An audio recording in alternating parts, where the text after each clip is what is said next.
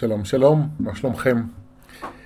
אני uh, מבקש בפרק הזה של הפודקאסט לדבר על מרד. אני רוצה קצת להמריד אותנו נגד עצמנו ונגד האופן שבו אנחנו רגילים לתפוס את הדברים.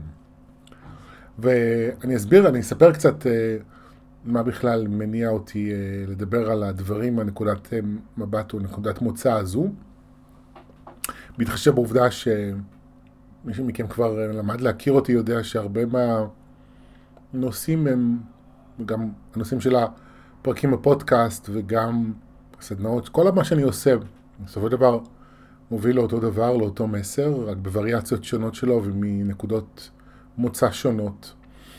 אמ, הסיפור הוא דווקא קשור לילדים ולגידול ילדים. יש בחבורה שלנו אה, היום ארבעה תינוקות, שהם, הגילאים שלהם נעים בין כמה חודשים לשנה וחצי, שנה אפילו יותר, שנולדו לכמה זוגות בקהילה שלנו. אה, וזה מחזיר אותי להסתכל מחדש על איך מגדלים ילדים. לנו, לי ולבן זוגי אין ילדים, אנחנו לא רוצים להיות הורים. והניסיון שיש לי עם הנושא הזה מורכב בעיקר מהעובדה שאני שיש לי הורים שגידלו אותי, ואני יודע מה זה להיות ילד של, וגם העובדה שעזרתי במידה מסוימת אה, לגדל את אחי הקטן, אני נול... הייתי בן 15 כשהוא נולד, והיה צורך בעזרה שלי בבית, אז הייתי מעורב בגידול שלו בשנים הראשונות בצורה יותר אה, אינטנסיבית ממה שלפעמים, מה שבדרך כלל קורה, אם יש דבר כזה בדרך כלל. והדבר שאני חוזר אליו היום, דרך הילדים מסביב, האישויים שעולים סביב הנושא הזה, מחזיר אותי ליחסים שעולים הכי קטן באותן שנים ראשונות לחייו, אה, וזה גם מחבר אותי בסופו של דבר למסע שאני עושה ולדרך שלי, אני אסביר את זה לאט לאט. אה, יש את הדעה הזו, את ההבחנה כביכול, שילדים כשמגיעים לגיל שנתיים שלוש, אפילו לפעמים אפילו לפני, קוראים לזה גיל המרד, יש איזה מושג כזה בגידול ילדים שאני לא בקיא בדיוק במינוח המדויק, אבל זה, זה הרעיון. הילדים מתחילים למרוד. עד אותו זמן הם עושים מה שאומרים להם ואין בעיה, ובשלב הזה מתחילים למרוד, וזה אה, כמובן רק הקדמה לגיל ההתבגרות, לגיל המרד הגדול, וגם מסבירים אה, לפחות אני שמעתי עד היום לא מעט הסברים על למה חשוב שילדים מורדים בגיל הזה ובגיל הזה, כי הם מפתחים אה, את העצמאות שלהם ואת האינדיבידואליות שלהם, ולכן זה חשוב לתת להם כמה שאפשר ולא... ולקחת בחשבון שזה חשוב בתהליך. נכון? נשמע כזה מאוד אה, מכבד ו...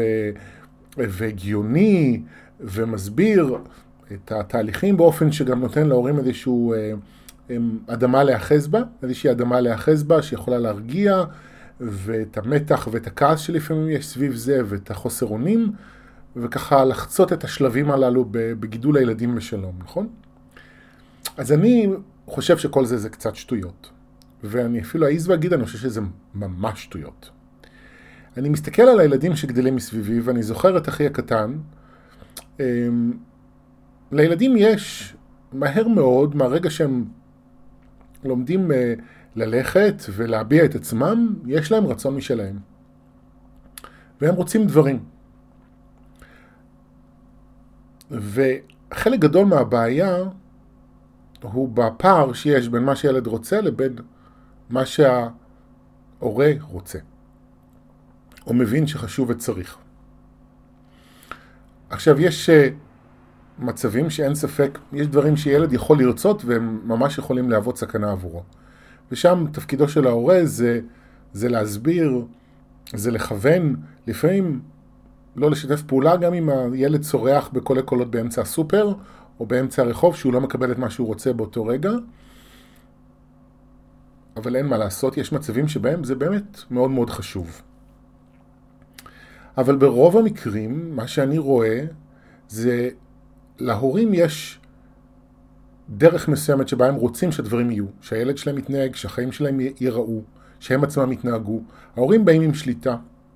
והורות היא אחד השיעורים הטובים ביותר לאיך לאבד שליטה.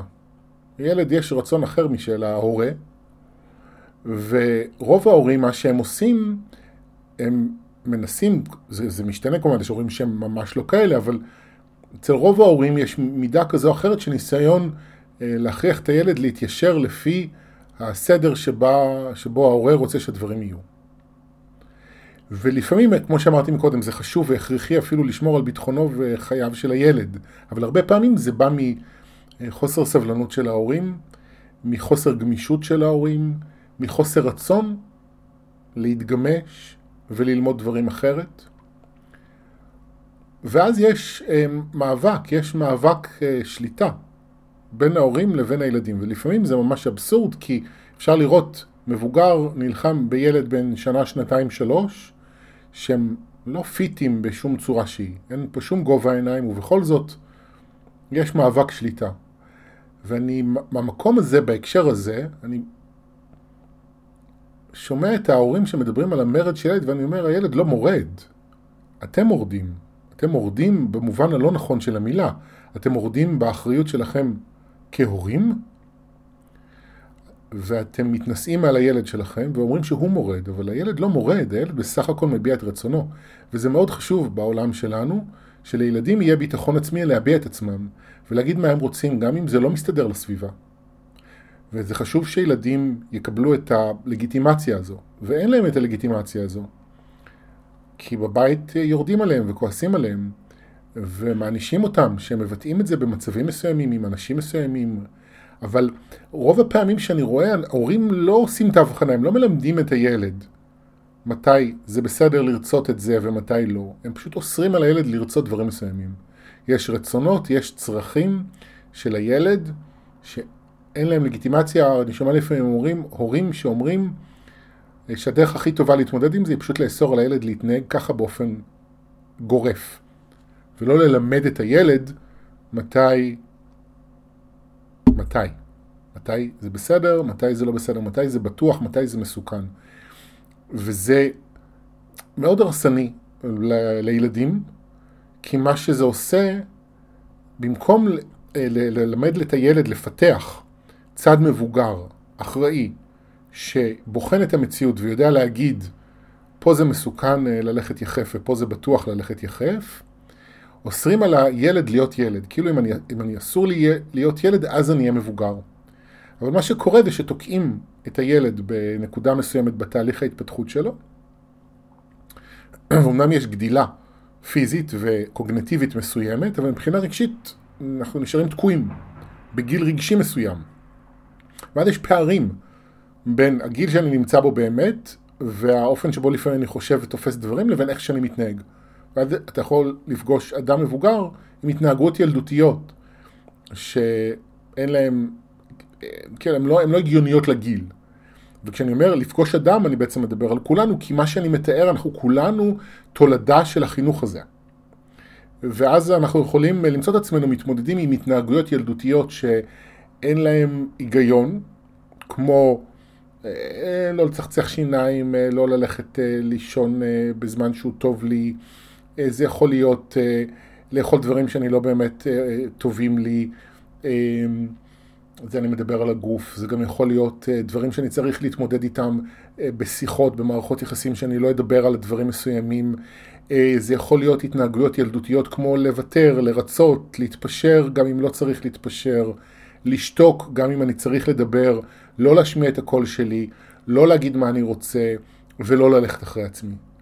וכל ההתנהגויות האלה הן התנהגויות אמ, בין ילדותיות לבין טרגיות. כי להיות מרצה זה לא ילדותי, אבל זה, זה, זה טרגי, זה עצוב. ואנחנו כאלה, כי אנחנו למדים מגיל אפס, ולפעמים אפילו קצת לפני, שזה לא בסדר שאנחנו רוצים דברים, זה לא בסדר שיש לנו קול ייחודי, אינדיבידואלי, גם אם הוא שונה מהסביבה, וזה... אנחנו לא מלמדים אותנו שזה בסדר שאנחנו שונים מהסביבה, מלמדים אותנו שאנחנו לא בסדר.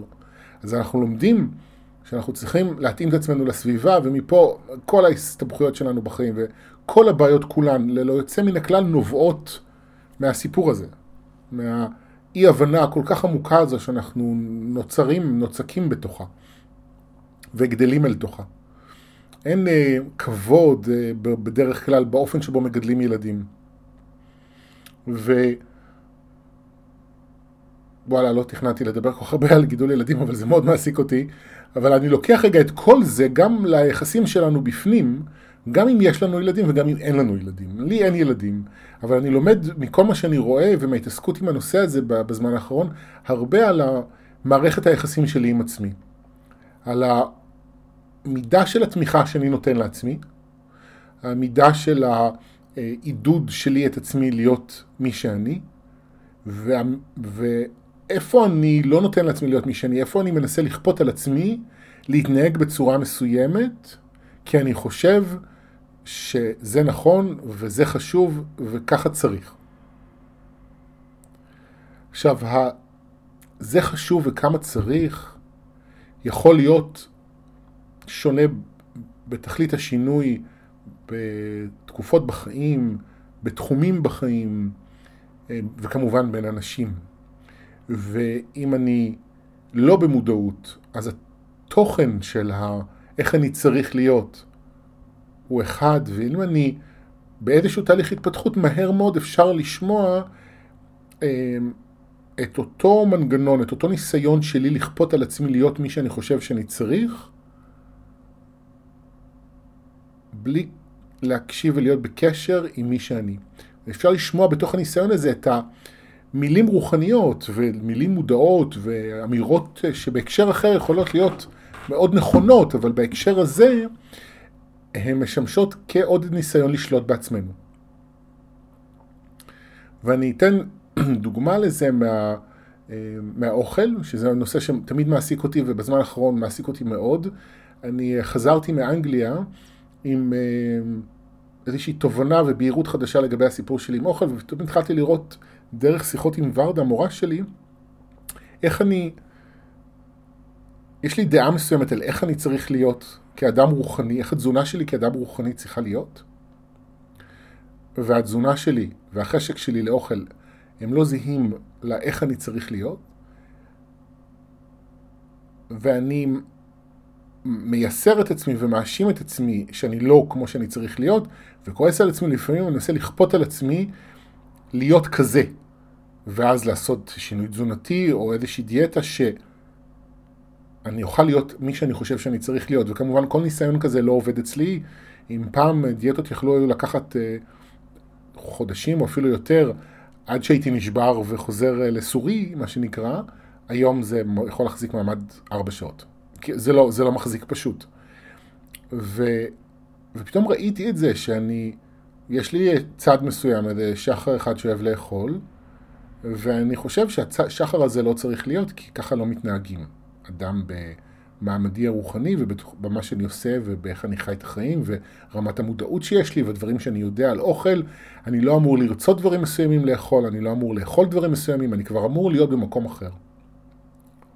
עכשיו, יכול להיות שככל שהמסע, אני אמשיך במסע ואני אמשיך לרפא את עצמי ולחזק את הביטחון שלי להיות מי שאני, באמת יהיו שינויים שיקרו מעצמם בתזונה, כמו שקרו שינויים עד היום. יש דברים שבאמת הם לא טובים לי וכבר אין, לא בא לי עליהם יותר. אבל זה יקרה מתוך התהליך, אולי. אבל מה שעוצר ותוקע את התהליך הזה מלהיות ולהתממש בקצב הטבעי שלו, זה אני, ה mind שלי, שמתערב ואומר איך אני צריך להיות. בבהירות הזו, עם הבהירות הזו חזרתי ארצה, והחלטתי שאני עושה שינוי. אני הולך עם השאלה מה בא לי, מה בא לי לאכול. ואני מפנה את השאלה הזו לכל המערכת שלי. וזה דגש מאוד חשוב, כי פעם לא הייתי כזה, פעם הייתי כל כך מנותק, שהתשובות לשאלה מה בא לי לאכול באו רק מהראש. וזה בא מכל מיני פיתויים וכל מיני דברים. אבל אני עברתי שינוי מאוד גדול עם עצמי וגם עם התזונה במהלך המסע הזה, ואני הרבה יותר מחובר לתחושות ולרגשות שפעם לא הרגשתי. אבל, ולכן כשאני שואל את עצמי מה בא לי, אני שואל את כל כולי. כשאני יוצא מתוך נקודת מוצא שהכל מותר לי. מותר לי גלוטן, מותר לי סוכר, מותר לי קולה, מותר לי אוכל לא אורגני, מותר לי בשר מהחי, מותר לי אוכל טבעוני, אה, מותר לי לאכול ב- בלילה, הכל, הכל, הכל, הכל מותר לי. אני עושה איזשהו restart שהמטרה שלו היא להעלים את ה mind מהתמונה ולהגיד אוקיי הכל מותר לי ועכשיו אם הכל מותר לי מה באמת בא לי מה באמת באמת אני רוצה כרגע אז אני יכול לספר לכם בינתיים על שלושה שינויים שזה עשה. קודם כל זה משנה לך גם את החוויה. זה מוריד אותי מקורבנות שליוותה אותי המון שנים עם הסיפורים מהאוכל, כי תמיד זה תסכל אותי איך זה יכול להיות שאני עושה עבודה רוחנית, אני מרחיב את הביטחון, מחזק את הביטחון העצמי שלי, את החופש שלי להיות מי שאני, ואז אני מרוויח יותר כסף ומגשים יותר את הכישרונות שלי, וחי ברווחה הרבה יותר גדולה, ויכול ליהנות הרבה יותר מהחיים. אבל כשזה מגיע לאוכל אני מצטמצם, ופתאום הרבה דברים אני לא יכול לאכול יותר. פתאום זה העלים את כל הקורבנות והתסכול, והעלים את האשמה, כי אני כמובן לא חי כפי שאני חושב שאני צריך, אז גם אין רגשי אשמה. ויש איזו הקשבה חדשה שאני לא מכיר בצורה כזו, על מה בא לי. ואז אני מגלה שהרבה יותר בא לי ירקות ממה שאני חושב, ולפעמים כן בא לי גלידה, אבל רוב הזמן לא. זאת אומרת, הרבה, אז, אז אני אוכל דברים שאני כביכול לא אמור לאכול, אבל הרבה פחות מהם. אני אוכל הרבה יותר דברים שאני אמור לאכול כי בא לי עליהם. ויש איזה דיאלוג חדש. אז זה משנה את ההרגשה, זה משנה את התזונה, ולפי מה שאומרים לי ואני רואה על הבגדים זה גם, ירדתי במשקל, אני לא יודע כמה כי אני גם לא שוקל את עצמי בכלל. בחלק מזה, אני בכלל לא רוצה להיכנס למוד של דיאטה ולמוד של, אה, של ה mind. אני לא רוצה להכניס את ה mind בכלל, בכלל. אני רוצה, בפעם הראשונה מזה, אני מתעסק עם נושא של משקל אה, יותר מ-30 שנה, אה, ובמסע הרוחני שלי ב-20 שנה האחרונות בצורה מאוד מאוד אינטנסיבית, וזה תמיד ערב את ה mind באיזושהי צורה. אה, ספירת קלוריות, לבדוק אנרגטית,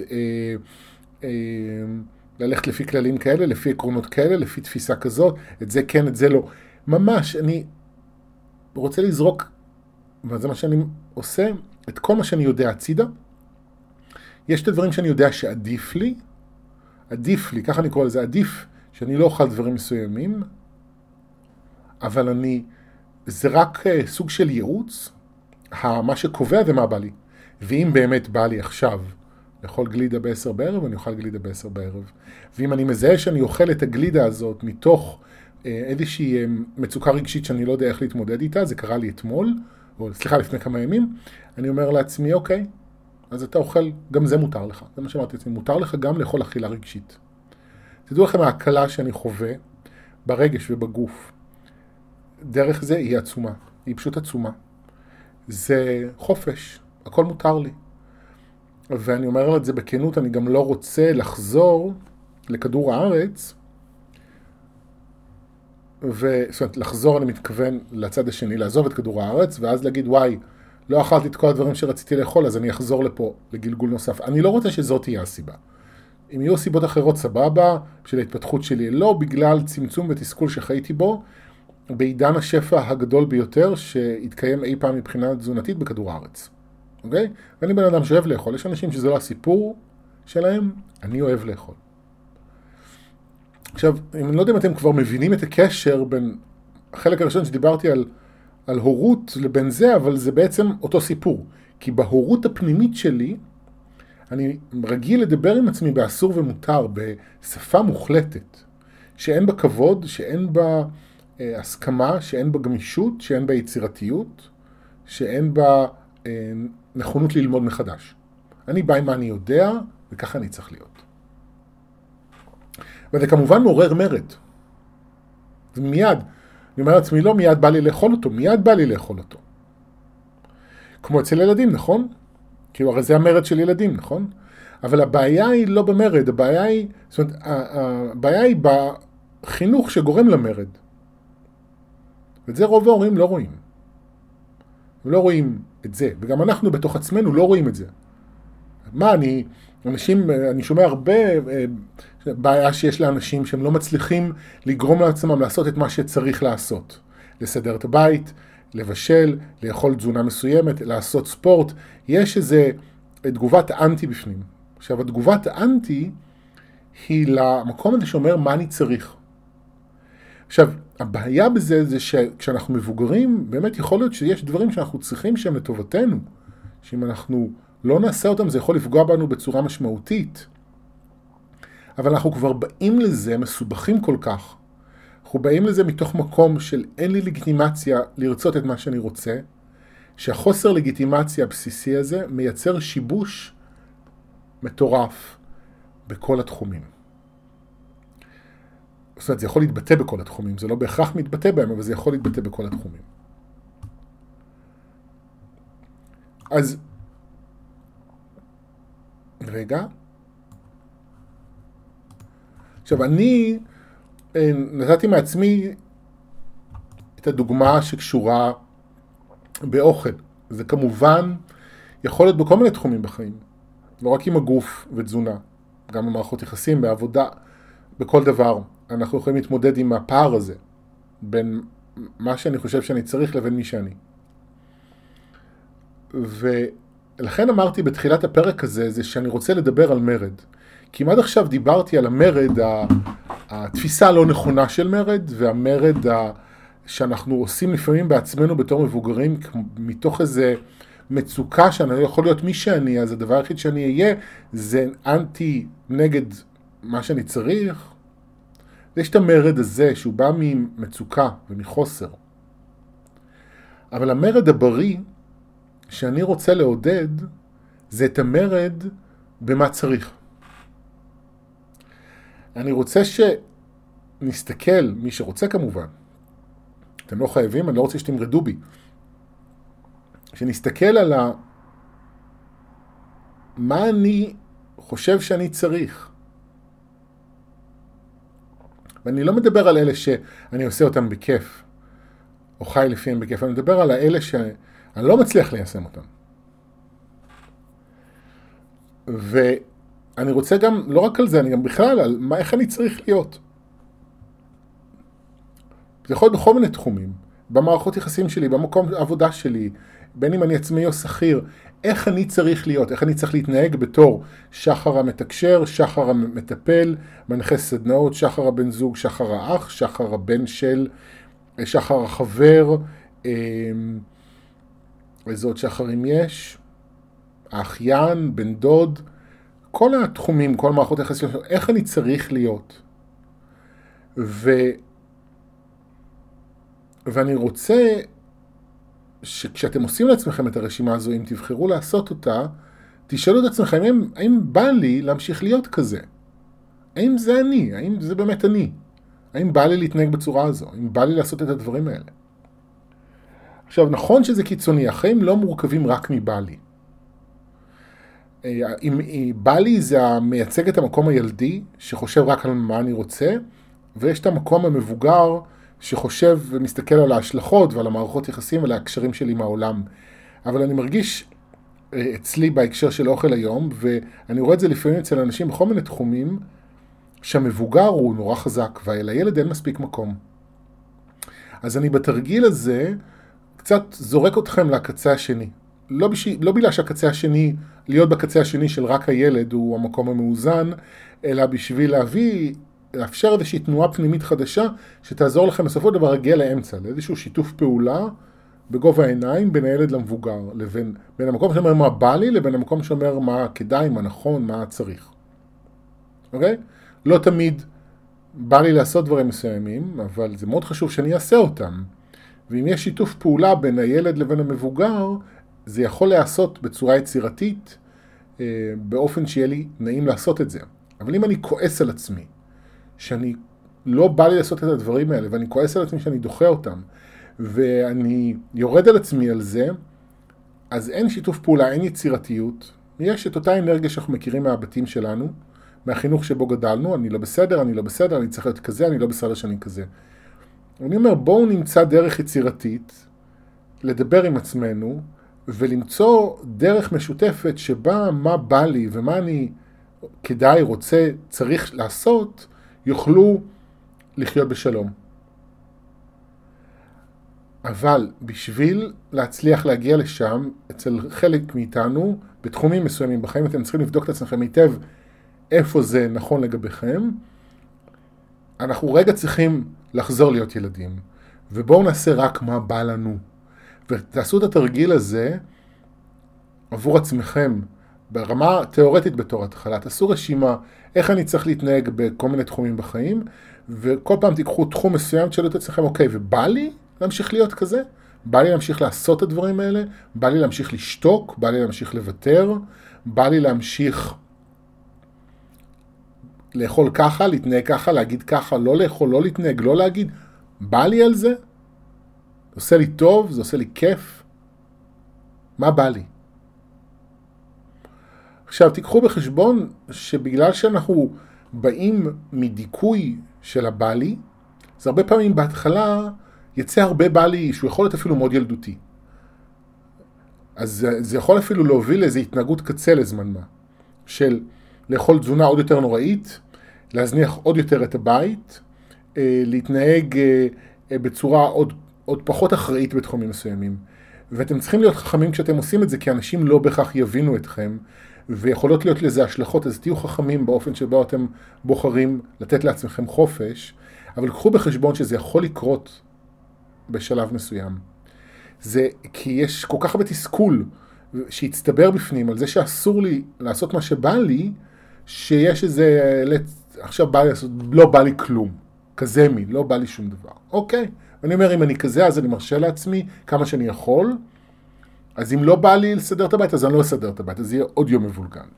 ואם אה, לא בא לי עכשיו אה, לעשות סלט ובא לי לאכול עוד ערימה של צ'יפס, אני אוכל עוד ערימה של צ'יפס. באמת, אז אני, אם אני, יש לי בעיות בריאות, אני צריך להסתכל על זה שאני לא פוגע בעצמי, אבל אה, אם ברמה מיידית, כן, אוקיי, אם אני חולה סכרת עם סוכר גבוה ובא לי לאכול עוגות כל היום, אני לא בטוח שליישם את העצה שלי במקרה כזה יהיה דבר חכם.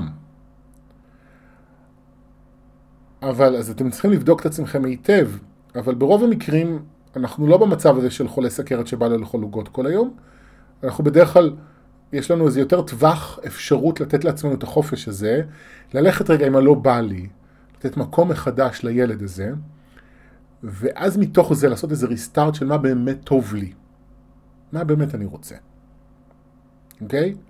כי יכול להיות שלא בא לי לסדר את הבית, ואני ארשה לעצמי לא לסדר אותו, אבל נגיד, זו דוגמה לגביי, בשלב מסוים זה יעלה לי הסעיף, אני כן ארצה לסדר אותו. זאת אומרת, זה לא באמת שאם אני ארשה לעצמי אה, לאכול עוגה, וכל מה שאני ארצה לאכול מהיום עד יום מותי. יכול להיות שעכשיו למשך איזה יום, יומיים, שבוע זה מה שאני ארצה לאכול, ובשלב אני כבר אתחיל להקיא. ואם אני אמשיך לשאול את השאלה הזו מה בא לי, אני אגלה שאוקיי, יופי, היה מעולה העוגה הזאת שבוע, אבל עכשיו אני רוצה סלט.